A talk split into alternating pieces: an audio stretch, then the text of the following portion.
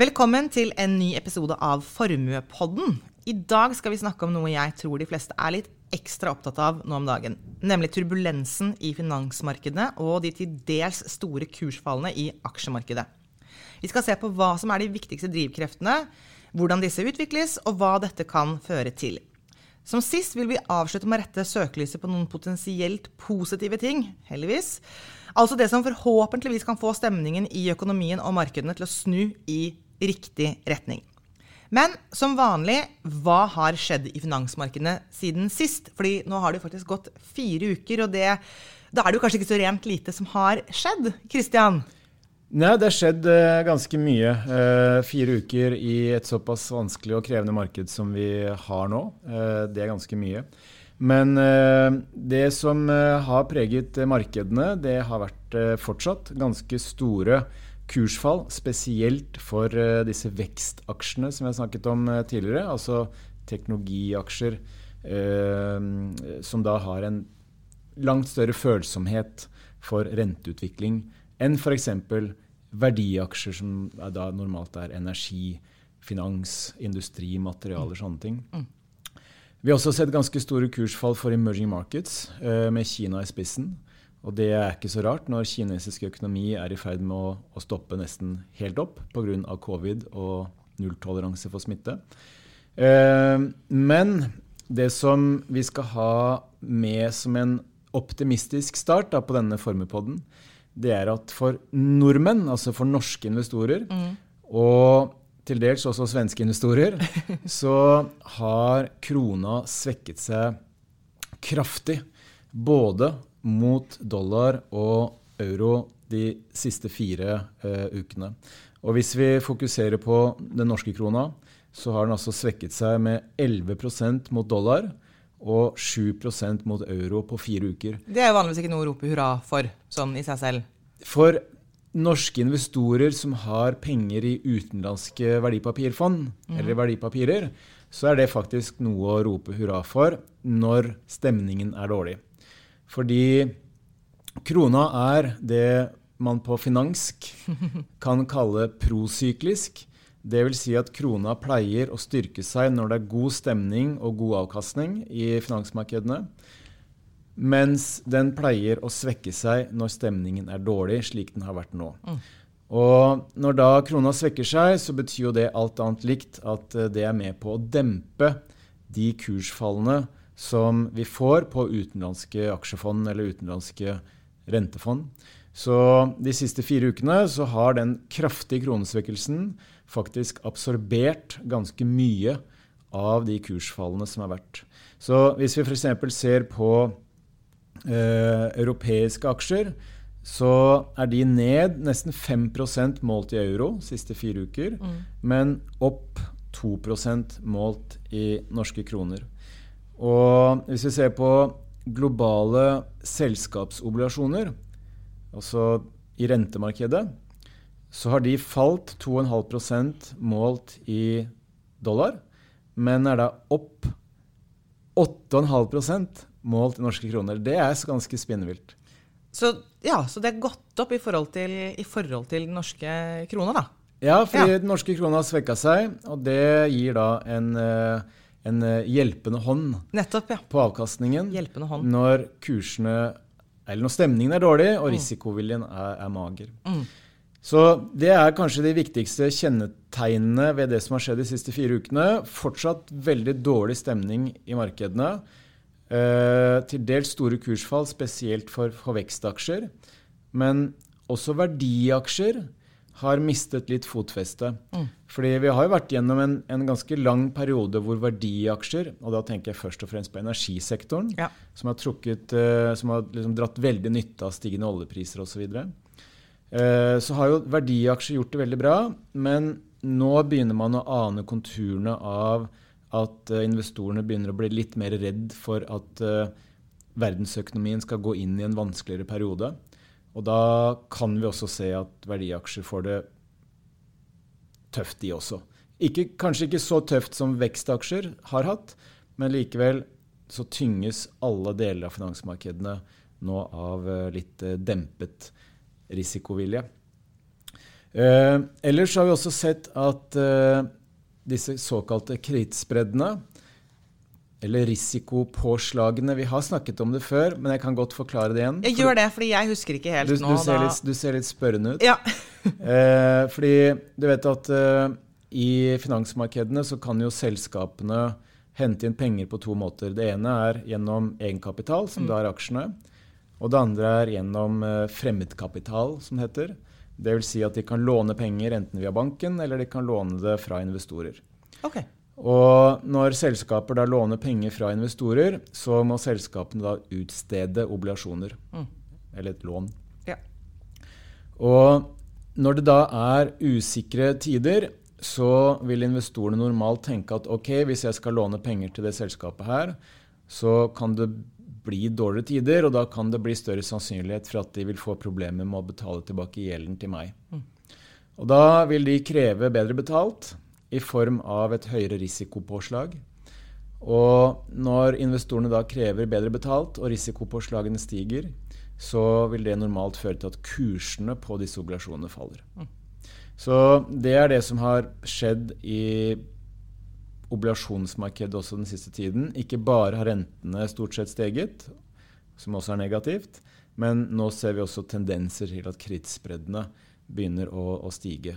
Og det er et litt sånn ja, tegn på at investorene begynner å bli litt usikre på de økonomiske utsiktene rett og slett fremover. En annen sak som verken du eller jeg kan sånn ekstremt mye om, det er jo det som har skjedd innenfor eh, kryptovaluta. Fordi bitcoin eksempelvis har jo da falt uh, nesten 40 uh, siden uh, årsskiftet. Og det man også ser, da, det er jo at krypto, som mange trodde skulle være en sånn god beskyttelse mot inflasjon, mm. og som ikke skulle være avhengig av andre finansmarkeder, har jo vist seg å være ekstremt følsom for det som skjer i finansmarkedene ellers. Mer enn uh, Mer enn det ja. som har vært forventa. Ja. Eh, og nå skal vi ikke bruke for mange vanskelige begreper, men vi har faktisk sett eh, de siste eh, månedene den høyeste korrelasjonen mellom bitcoin og vekstaksjer noensinne. Okay. Og korrelasjon det er jo da et begrep som sier noe om hvordan ting svinger i takt eller utakt med hverandre. Henger sammen. Henger sammen. Mm. Så det man har sett da, det er at eh, når disse vekstaksjene, teknologiaksjene, har falt, så har også bitcoin mm. falt. Og når stemningen da en dag eller tre stiger, og vekstaksjer stiger i, i, i verdi, så har også bitcoin og, og, krypto kommet tilbake. Så disse kurvene følger hverandre? Yes. Ja. Men det som også har vært en eh, liten sånn uh, uh, wake-up call, kanskje, da, for mange av disse kryptotilhengerne, eh, det har også vært eh, sammenbrudd i enkelte av disse såkalte stablecoins. Og det er jo da eh, en type kryptovaluta som skal være langt mer stabil enn andre kryptovalutaer, fordi verdien av disse stablecoins da skal knyttes opp mot f.eks. amerikanske dollar.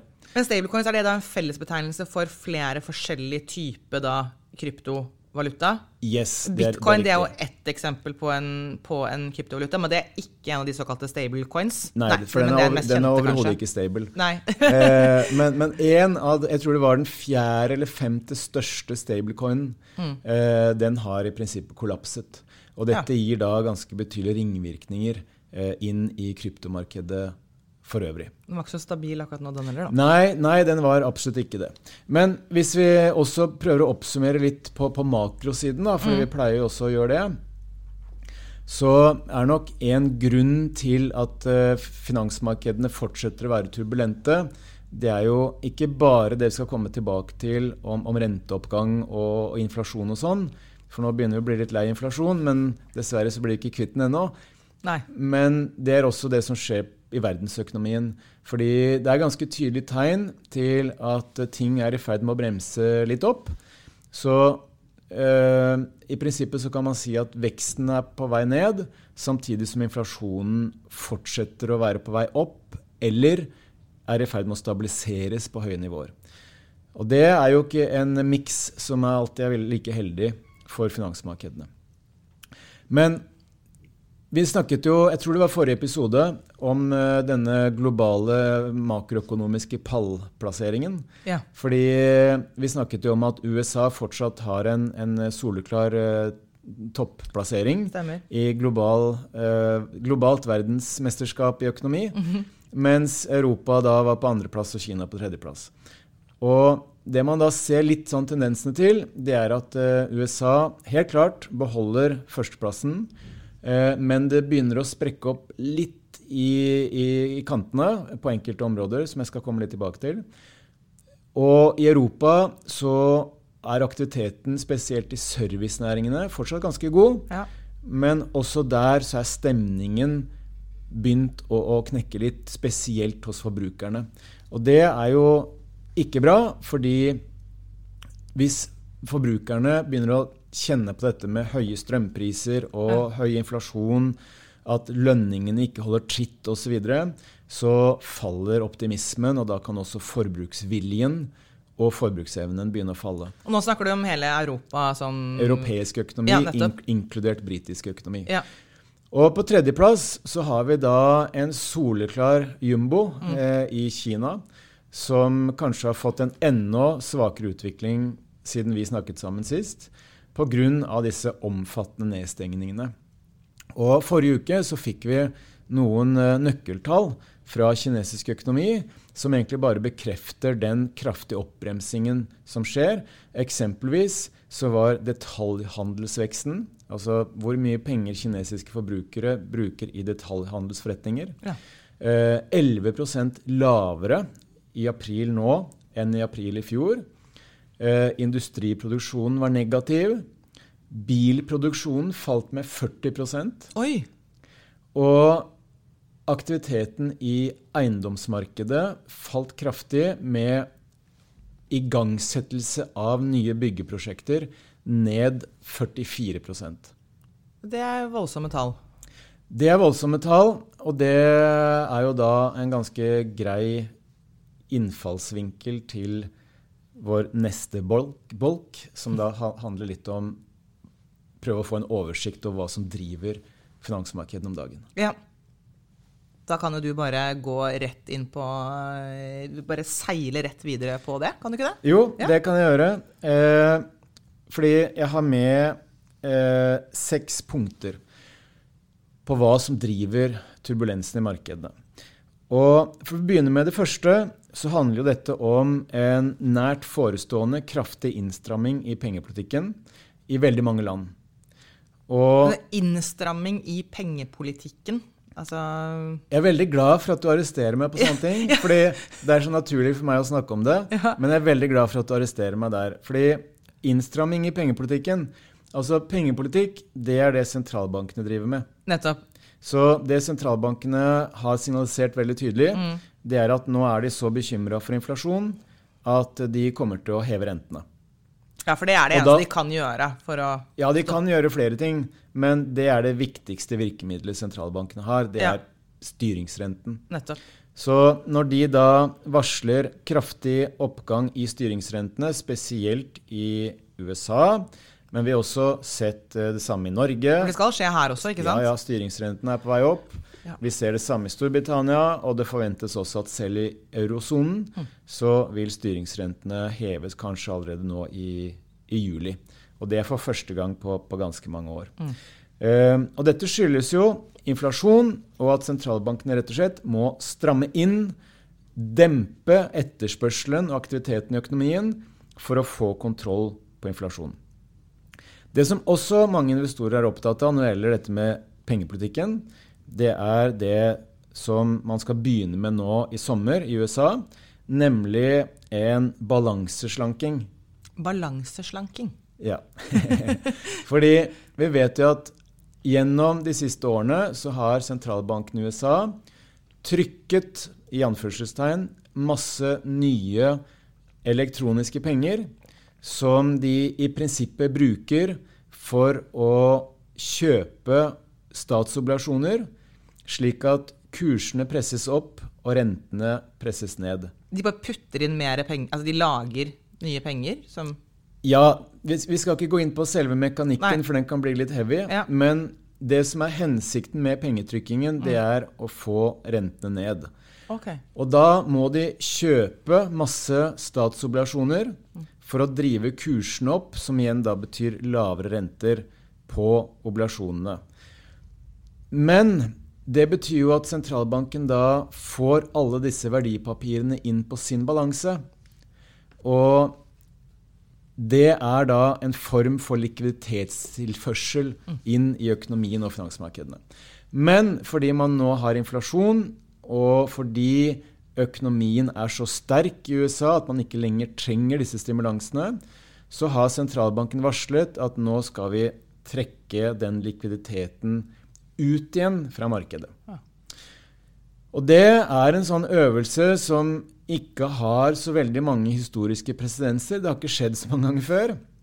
Og man vet ikke helt hvilke effekter det kommer til å få, men det er noe som bidrar til litt usikkerhet hos mange investorer.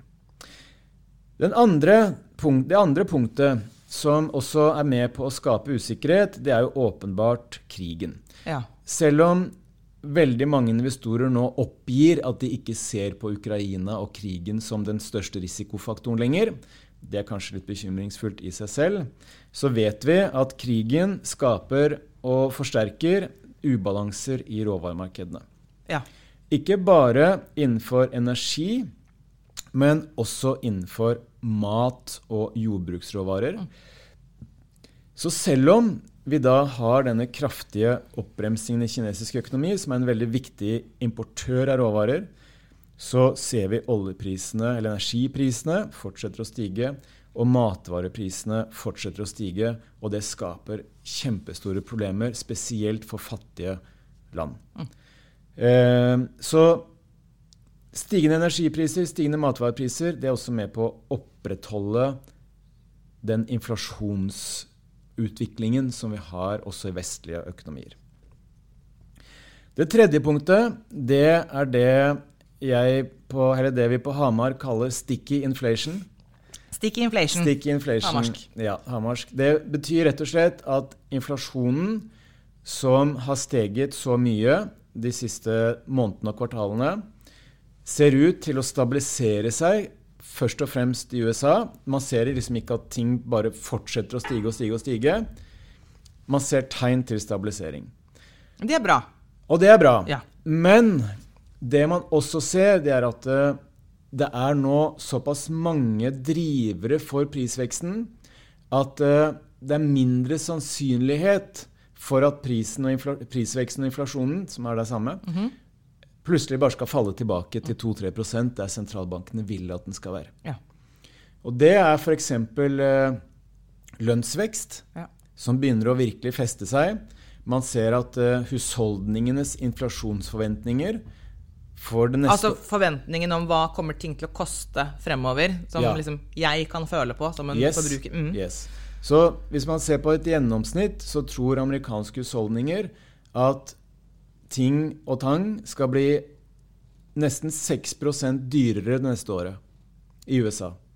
At inflasjonen skal være på 6% Og det gir jo da en forventning om at ok, hvis ting skal bli 6% dyrere, da må altså jeg få 6% høyere lønn.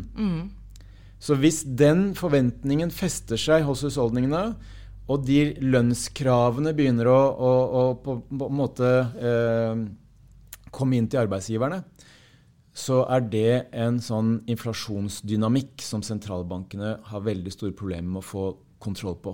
Ja. Eh, og i verste fall så må man da få en økonomisk krise ja. med stigende arbeidsledighet før de lønnskravene begynner å modereres. Men, men de 6 som nevnte nå, det var USA, det er ikke, det er ikke Norge. Hva, hva ligger, en sånn, hva ligger liksom den følelsen på her i Norge? Nei, eh, jeg har ikke sett noen tall for det her i Norge. Men også norsk inflasjon er jo nå var det 5,4 Konsumprisvekstindeksen nå, nå sist steg. Og det var jo veldig mye strømpriser og flypriser som, som steg. Eh, men det er ingen tvil om at eh, også norsk inflasjon kan holde seg høyere enn det sentralbanken er komfortabel med. Og da kan det også forplante seg til norske eh, lønnsoppgjør. Ja. Og da kommer vi litt tilbake til noe veldig morsomt. Veldig morsomt. Yes. Yes. Fordi du husket at vi snakket om at en svak krone er veldig bra for norske fondssparere som har penger i utenlandske fond. Ja, fordi da når de utenlandske fondene går nedover, så, så tar vi jo på en måte Når de norske kronene har gått nedover også, så merker vi ikke det. Absor Eh, ja, det absor- absorberer, absorberer mm, kursfallet. Ja. Men når man da skal inn i makroverden, Ja. så vet man jo at en svak krone, en svakere krone, det betyr jo at det blir dyrere for oss å importere ting fra utlandet. Ja, nettopp. fordi da er det jo ikke noen fordel at vi, krona er svak. Da blir ting dyrere. Og hva er det som skjer da? Jo, når vi da betaler mer og mer for ting fra utlandet, Ja. så betyr det at vi importerer inflasjon. Ja, det Så gjør vi, ja. prisene på importvarer stiger, så at krona da svekker seg, det er faktisk med på å underbygge inflasjon i Norge. Nettopp. Men nok en gang morsomt. Ja. Dette er fantastisk eh, engasjerende stoff. Så vet vi da at en sterk dollar Nå har vi den nesten den sterkeste dollaren på 20 år mål, målt mot USA sine viktigste handelspartnere. Og da får vi den motsatte effekten. Så en sterk dollar, det er ikke bra for hele amerikansk økonomi, men jeg tror amerikanske sentralbanken syns det er ganske ålreit. Fordi når dollaren da er sterk, så betyr det at USA betaler mindre for importerte varer. Det importerer mindre inflasjon, så en sterk dollar kan være med på å senke inflasjonen i USA. Ja. Så det var en morsom rundreise i valutaens verden. ja. eh, ok, Men nå har vi snakket om innstramming i pengepolitikken. Vi har snakket om krigen i Ukraina som forsterker ubalanser i råvaremarkedene. Yes. Og vi har snakket om uh, sticky inflasjon. Yes. Det fjerde punktet det går på dette med kinesisk økonomi. Vi var litt inne på det. Og fordi kinesiske myndigheter er så eh, vriene og stae med tanke på den nulltoleransepolitikken sin overfor covid, så er dette med på å gi en kraftig oppbremsing i kinesisk økonomi. Og vi snakker ikke da lenger om vekst i kinesisk økonomi, for i øyeblikket så er det faktisk oppbremsing og negativ vekst i kinesisk økonomi, Ja. basert på noen nøkkeltall som eh, eksempelvis Goldman Sachs eh, har. Og når vi da vet at Kina er verdens nest største økonomi, hvis det da ikke kommer akselerasjon og ikke kommer noen lettelser her, som får forbrukerne til å begynne å bruke mer penger, og som får byggeaktiviteten til å komme i gang igjen, stimulanser osv., så, videre, så vil Kina være en sånn hemsko eh, for verdensøkonomien i en situasjon hvor det er utfordringer i Europa, og hvor kanskje også USA er i ferd med å bikke litt over sin eh, glory days når det gjelder vekst i denne sykelen. Så det femte det går også på dette med aksjemarkedet spesielt, men også litt inn mot oblasjonsmarkedet og selskapsobligasjoner. Fordi når man da ser tegn til at investorene begynner å bli litt redd for en resesjon, altså en, et, et økonomisk tilbakeslag, så ser man også at eh, usikkerheten rundt hvor mye penger selskapene kommer til å tjene fremover, og dermed også hvor god evne de vil ha til å betjene gjelda si, den usikkerheten stiger. Og det ser man nå i forventningene fra analytikerne på hvor mye penger de børsnoterte selskapene skal tjene. Fordi for bare noen uker siden, ja f.eks. fire uker siden, når vi spilte inn forrige episode, så var det forventet nesten 10 inntjeningsvekst for globale aksjer i 2022 sammenlignet med 2021. Nettopp. Nå er vi nede på 9,2. Det vil si at den vinden har begynt å gå i feil retning. Ja, det er jo en relativt stor nedgang, egentlig. Det er jo en, Ja, altså Ja, det, det kan du si. Men det investorene gjerne er mest opptatt av, det er retningen. ja. Så når disse forventningene og estimatene som analytikerne lager på selskapsinntjening, de liksom begynner å falle, så er det sjelden veldig godt nytt for Nei. utviklingen i, i aksjemarkedet. Så usikkerhet rundt inntjeningsutsiktene, det var punkt nummer fem. Eh, punkt nummer seks, det har vi også vært litt inne på, men det er de store bevegelsene i valutamarkedene. ja. Og som jeg skrev om i min forrige ukes kommentar, så er jo valuta alltid et relativt spill. Og valutabevegelser er da både på godt og vondt. Det er bra for noen, Ja. men uheldig for andre. Ja, det har vi jo sett eksempel på bare nå, i den samtalen vi har hatt nå, med at eh, svekket krone kan være bra for noen, men i andre sammenhenger ikke. Ikke sant. Men det som kanskje er en av de større bekymringene da, knyttet til valuta, det er jo det som skjer i emerging markets. Fordi når dollaren er så sterk som den er, eh, selv om den har svekket seg litt de siste dagene, så tendensen har vært en veldig kraftig eh, verdiøkning for den amerikanske dollaren, så betyr jo det at veldig mange vekstmarkedsvalutaer eh, de har svekket seg kraftig mot dollar. Og det vi også vet, er jo at eh, veldig mange fremvoksende økonomier de har gjeld i dollar. Og når da både amerikanske renter stiger og den amerikanske dollaren stiger, så blir det vanskeligere for disse økonomiene å betjene gjelda si. Og da kan det dukke opp eh, rett og slett problemer med statsfinansene i en del land. Så basert på det siste jeg så, så er det faktisk 41 ulike land innenfor emerging markets eller developing market, som det er utviklingsøkonomier, mange Ja. fattige land, som har bedt Det internasjonale pengefondet om hjelp Ja. til å klare seg gjennom Såpass. disse tidene. Mm. Og i tillegg så har du jo da stigende energipriser. Mm. Du har stigende priser på mat. Og vi vet jo også at når Russland og Ukraina står for 25% av verdens hveteproduksjon, ja.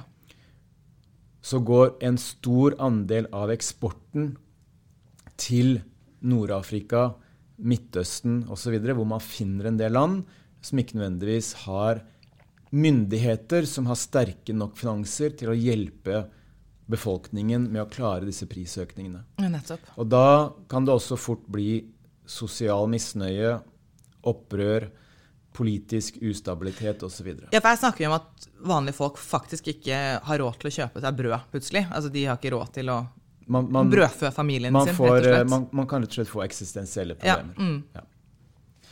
Så det var da seks drivere for redusert risikovilje, og det er, ikke så veldig, det er liksom ikke så veldig positivt. Vi må, jeg føler vi alltid må prøve å liksom runde av med litt mer sånn eh, se på hva, hva er det som kan være Ja, gi oss fornyet optimisme, da. Absolutt. Absolutt. Og før jeg går inn på de, de punktene, så må vi vel innrømme at det er ganske stor sannsynlighet for at vi vil kunne se urolige finansmarkeder en god stund til.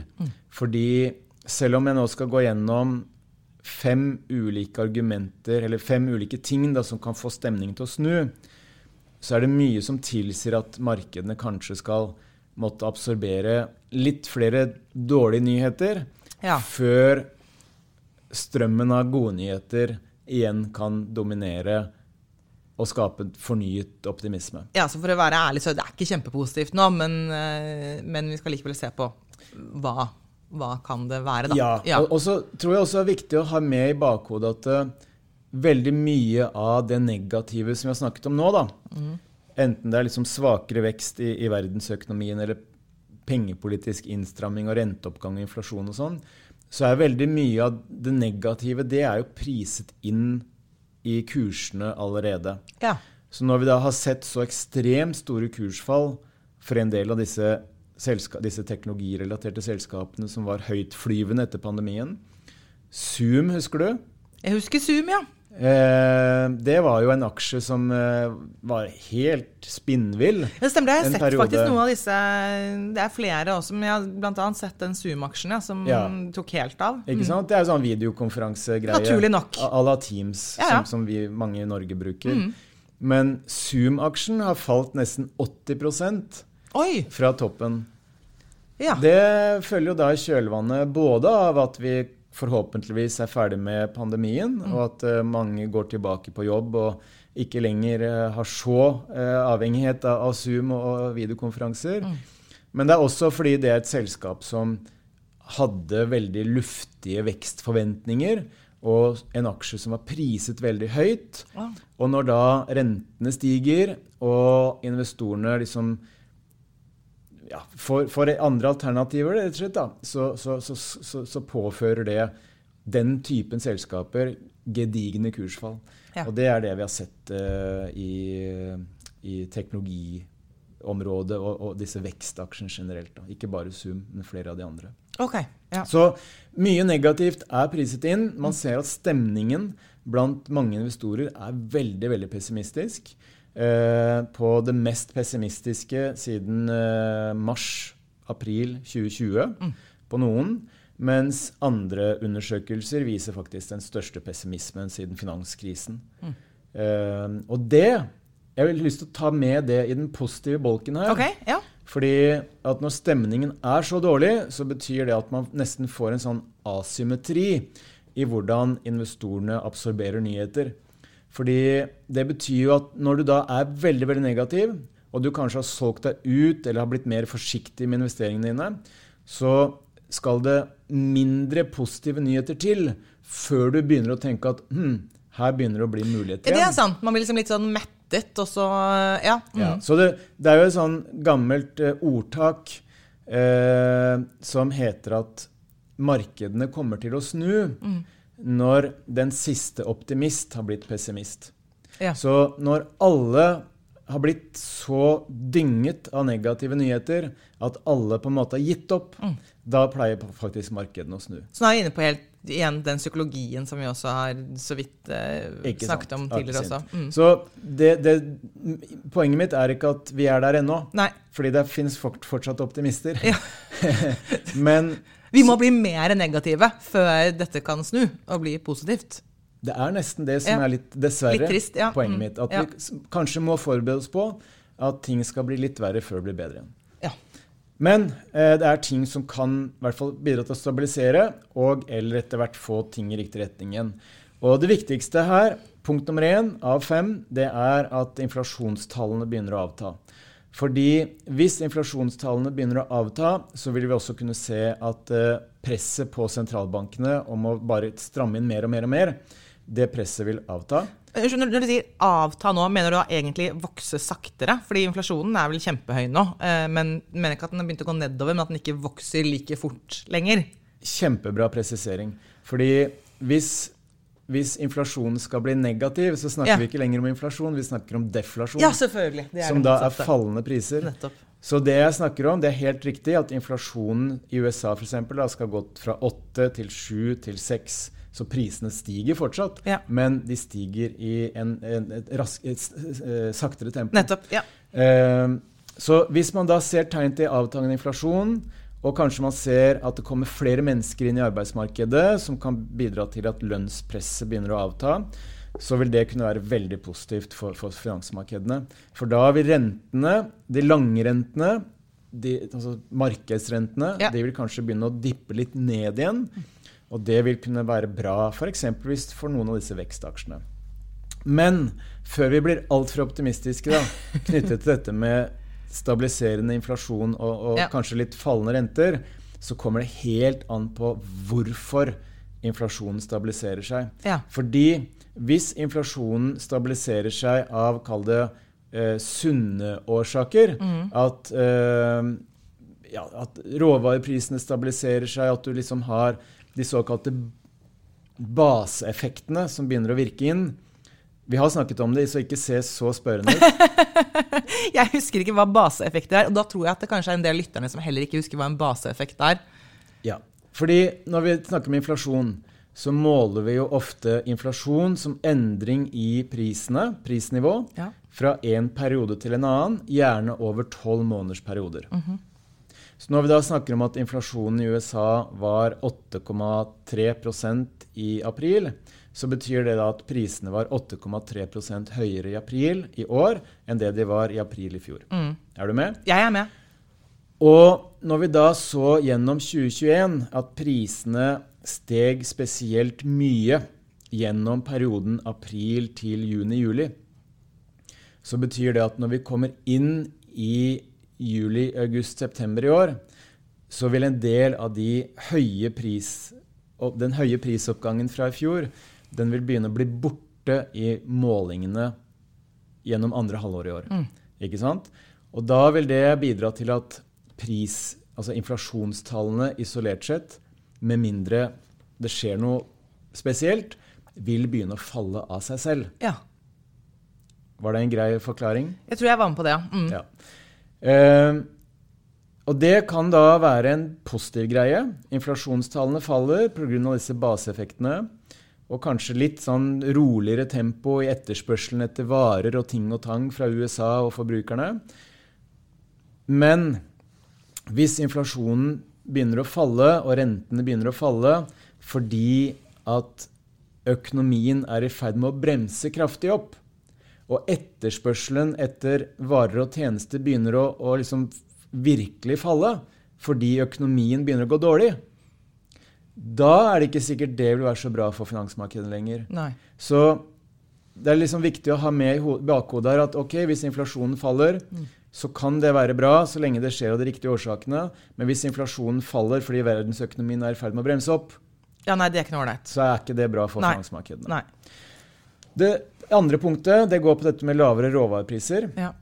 Fordi hvis vi ser at råvareprisene faller tilbake, hvis vi f.eks. ser at amerikanske skiferoljeprodusenter begynner å øke produksjonen, det kommer mer olje ut i markedet, så vil det kunne tynge oljeprisen. Og det vil kunne også være bra for verdensøkonomien i en vanskelig situasjon hvor, hvor energiprisene har vært så høye. Eh, en tilleggsfaktor der kan jo åpenbart være om vi får utsikter til en fredelig løsning i Ukraina. Ja. Fordi vi vet at Ukraina skaper ubalanser i råvaremarkedene, inkludert i energimarkedene. Og får vi utsikter til en løsning der, så vil det kunne dempe eh, prisoppgangen i, i, i, råvaremarkedet. Mm. Og det vil kunne virke positivt inn på inflasjonstallene ellers. Eh, men eh, jeg har lyst til å komme med en liten sånn advarsel her også. fordi vi vet jo at oljeprisen, energiprisene, råvareprisene har steget mye, selv om Kina har stoppet opp. Mm. Så hvis vi da kommer til et av mine neste punkter her, at vi får en akselerasjon i kinesisk økonomi, så betyr jo det alt annet likt at etterspørselen etter råvarer fra Kina vil stige igjen. Ja. Og da vil det kunne legge ytterligere press oppover på råvareprisene. Ja. Så selv med en fredelig løsning i Ukraina, hvis det da sammenfaller med at Kina går opp i gir, mm. så vil den effekten kunne bli liksom utlignet. Ja. Eh, det tredje punktet mitt det er kanskje eh, den viktigste. Og det er om amerikansk økonomi klarer å stå gjennom disse renteøkningene som kommer.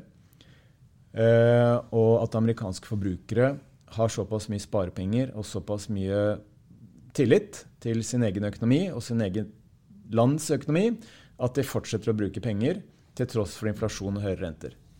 Fordi privat forbruk i USA står for 70% av økonomien. Så hvis husholdningene beholder litt optimisme, og vi i tillegg får en akselerasjon i Kina, så kan det være med på å unngå at vi får en global resesjon eller en global økonomisk krise. Eh, det fjerde går rett og slett på at den amerikanske dollaren svekker seg. Men en svakere amerikansk dollar vil normalt også sammenfalle med de andre punktene her. Ja. Så hvis verdensøkonomien holder koken, hvis investorene begynner å få litt eh, optimismen tilbake, råvareprisene faller, inflasjonen faller tilbake, så vil normalt investorene begynne å se på verdipapirer i andre regioner enn USA. Og da vil det kunne være med på å svekke dollaren, og det er positivt nå, nå med litt sånn uh, grunnleggende dumt spørsmål. Hvor, hvorfor, er det, hvorfor, er det, positivt at uh, eller Hvorfor er det at man får en svakere amerikansk dollar på en måte tegn på optimisme? Hvorfor, er det bra? Bra spørsmål. Jo, fordi at når du har uh, usikre tider i finansmarkedene, mm. så pleier investorene å velge å investere i det vi kaller trygge havner. Ja. Og den amerikanske dollaren er jo verdens viktigste, største valuta. De amerikanske finansmarkedene er de største og mest omfangsrike i verden. Og når vi da i tillegg vet at den amerikanske sentralbanken ligger an til å heve rentene mye mer enn andre sentralbanker, så ser da investorene utsikter til at ikke bare er dollaren ofte trygg eh, i usikre tider, men man kan også få høyere avkastning på en amerikansk bankkonto eh, enn på en tysk bankkonto, f.eks. Ja. Og da går pengeflyten i verden inn mot dollar. Ja. Men det som da er grunnen til at en svakere amerikansk dollar kan være positivt, det er for det første det jeg nevnte med disse fremvoksende økonomiene som har gjeld i dollar. Mm. Ja. Da vil den kunne bli lettere å håndtere. Men når dollaren svekker seg, så betyr jo det at noen andre valutaer blir mer attraktive. Så det er et tegn på at nå begynner man å bevege seg i andre retninger enn bare på det trygge havnene, som er da f.eks. amerikanske banker osv. Så, videre. Yes. så det er et symptom på at nå, nå er det mer Eller mål da, på optimismen nettopp i uh, mm. Ja, veldig bra. Eh, veldig godt oppsummert. Så det man har sett de siste dagene, eh, så har det vært litt mer optimisme. Da styrker euroen seg, da styrker det britiske pundet seg. Eh, så da ser man at eh, investorene liksom øyner et lite håp om at kanskje vi er over det verste, eller kanskje det er noen gode periode, uker frem, fremover. Og da går pengene litt inn igjen i andre lands aksjemarkeder og andre lands valutaer. Det siste punktet eh, i dag det går rett og slett på lavere prising. At ting har blitt litt mindre dyrt, og kanskje til dels eh, billig. Eh, men sannsynligvis fordi at ting ikke er blitt veldig billig, så må ting bli litt enda billigere før det alene bidrar til å utløse en rekyl i finansmarkedene. Men fordi at prisingen av aksjer og selskapsobligasjoner har blitt billigere, mindre dyr er, er kanskje riktigere å si, Ja. så kan det på marginen etter hvert, dersom omfanget av negative nyheter begynner å gi seg, og omfanget av positive nyheter begynner å bli litt bedre, så kan det være et godt argument for at mange da velger å gå inn igjen i finansmarkedene og liksom eh, gi gass igjen. Da. Men Og her, her blir det noen menner, da. Fordi selv om prisingen av aksjer har blitt lavere, så vet vi at prising av aksjer det er jo ofte eh, vurdert ut ifra et såkalt forholdstall. Mellom eksempelvis prisen på aksjene og det man tror selskapene skal tjene. Og det er jo det såkalte PE-tallet. Pri price earnings. ja. Pris per aksje delt på inntjening per aksje. ja. Og når da eh, PE-tallet falt da, for veldig mange aksjer og veldig mange aksjeregioner og områder, så vet vi jo hva P-en er, for det er jo aksjekursen. ja. Men vi vet jo ikke så godt hva E-en blir, altså Nei. inntjeningen. Nei. Og hvis man da går inn i en vanskeligere økonomisk periode hvor inntjeningen skal falle mer enn det man tror i dag, så betyr jo det at inntjeningen, altså nevneren i brøken Nettopp. Pris per aksje er jo telleren, inntjening er nevneren. Og hvis da nevneren skal bli enda lavere enn det den er i dag, så betyr jo det alt annet likt at P-tallet er høyere Det nå går opp. Ja. enn det det egentlig bør være. ja. Er du med? Jeg er med. Det er mye kul mekanikk her. Ja. Men poenget da er at prisingen per i dag, i en situasjon hvor verdensøkonomien kanskje skal bli litt svakere før den blir bedre, og inntjeningen dårligere før den blir bedre, den ljuger litt. Okay. Så det er vanskeligere å bruke PE og verdsettelse i dag for å si om ting egentlig er billig eller dyrt. Så det var, eh, det var eh, siste punktet ditt i dag. Jeg, Det, ja. jeg, jeg må jo si at jeg, at jeg opplever Altså Vi har liksom hatt som hovedtema i dag på denne episoden er på en måte hva, hva ligger bak markedsuroen eh, nå de siste fire ukene, og hva kan få stemningen til å snu. Så, og du vil jo gjerne runde av med optimisme, men jeg må også si at men her jeg opplever at du er ganske forsiktig med den optimismen. Så vi, vi prøver, vi ser etter ting som kan gi optimisme, men det er Man skal ha litt is i magen, og det, det kommer til antakeligvis til å bli mer negativt før det snur og blir bedre. Det kan i hvert fall fortsatt være veldig rolig. Ja, Vi kan selvfølgelig ikke vite, men eh, sånn, sånn er det jo. Eh, og med det tror jeg vi runder av. Tusen takk, Kristian. Takk eh, takk for i dag. Så, Takk det samme. så høres vi snart.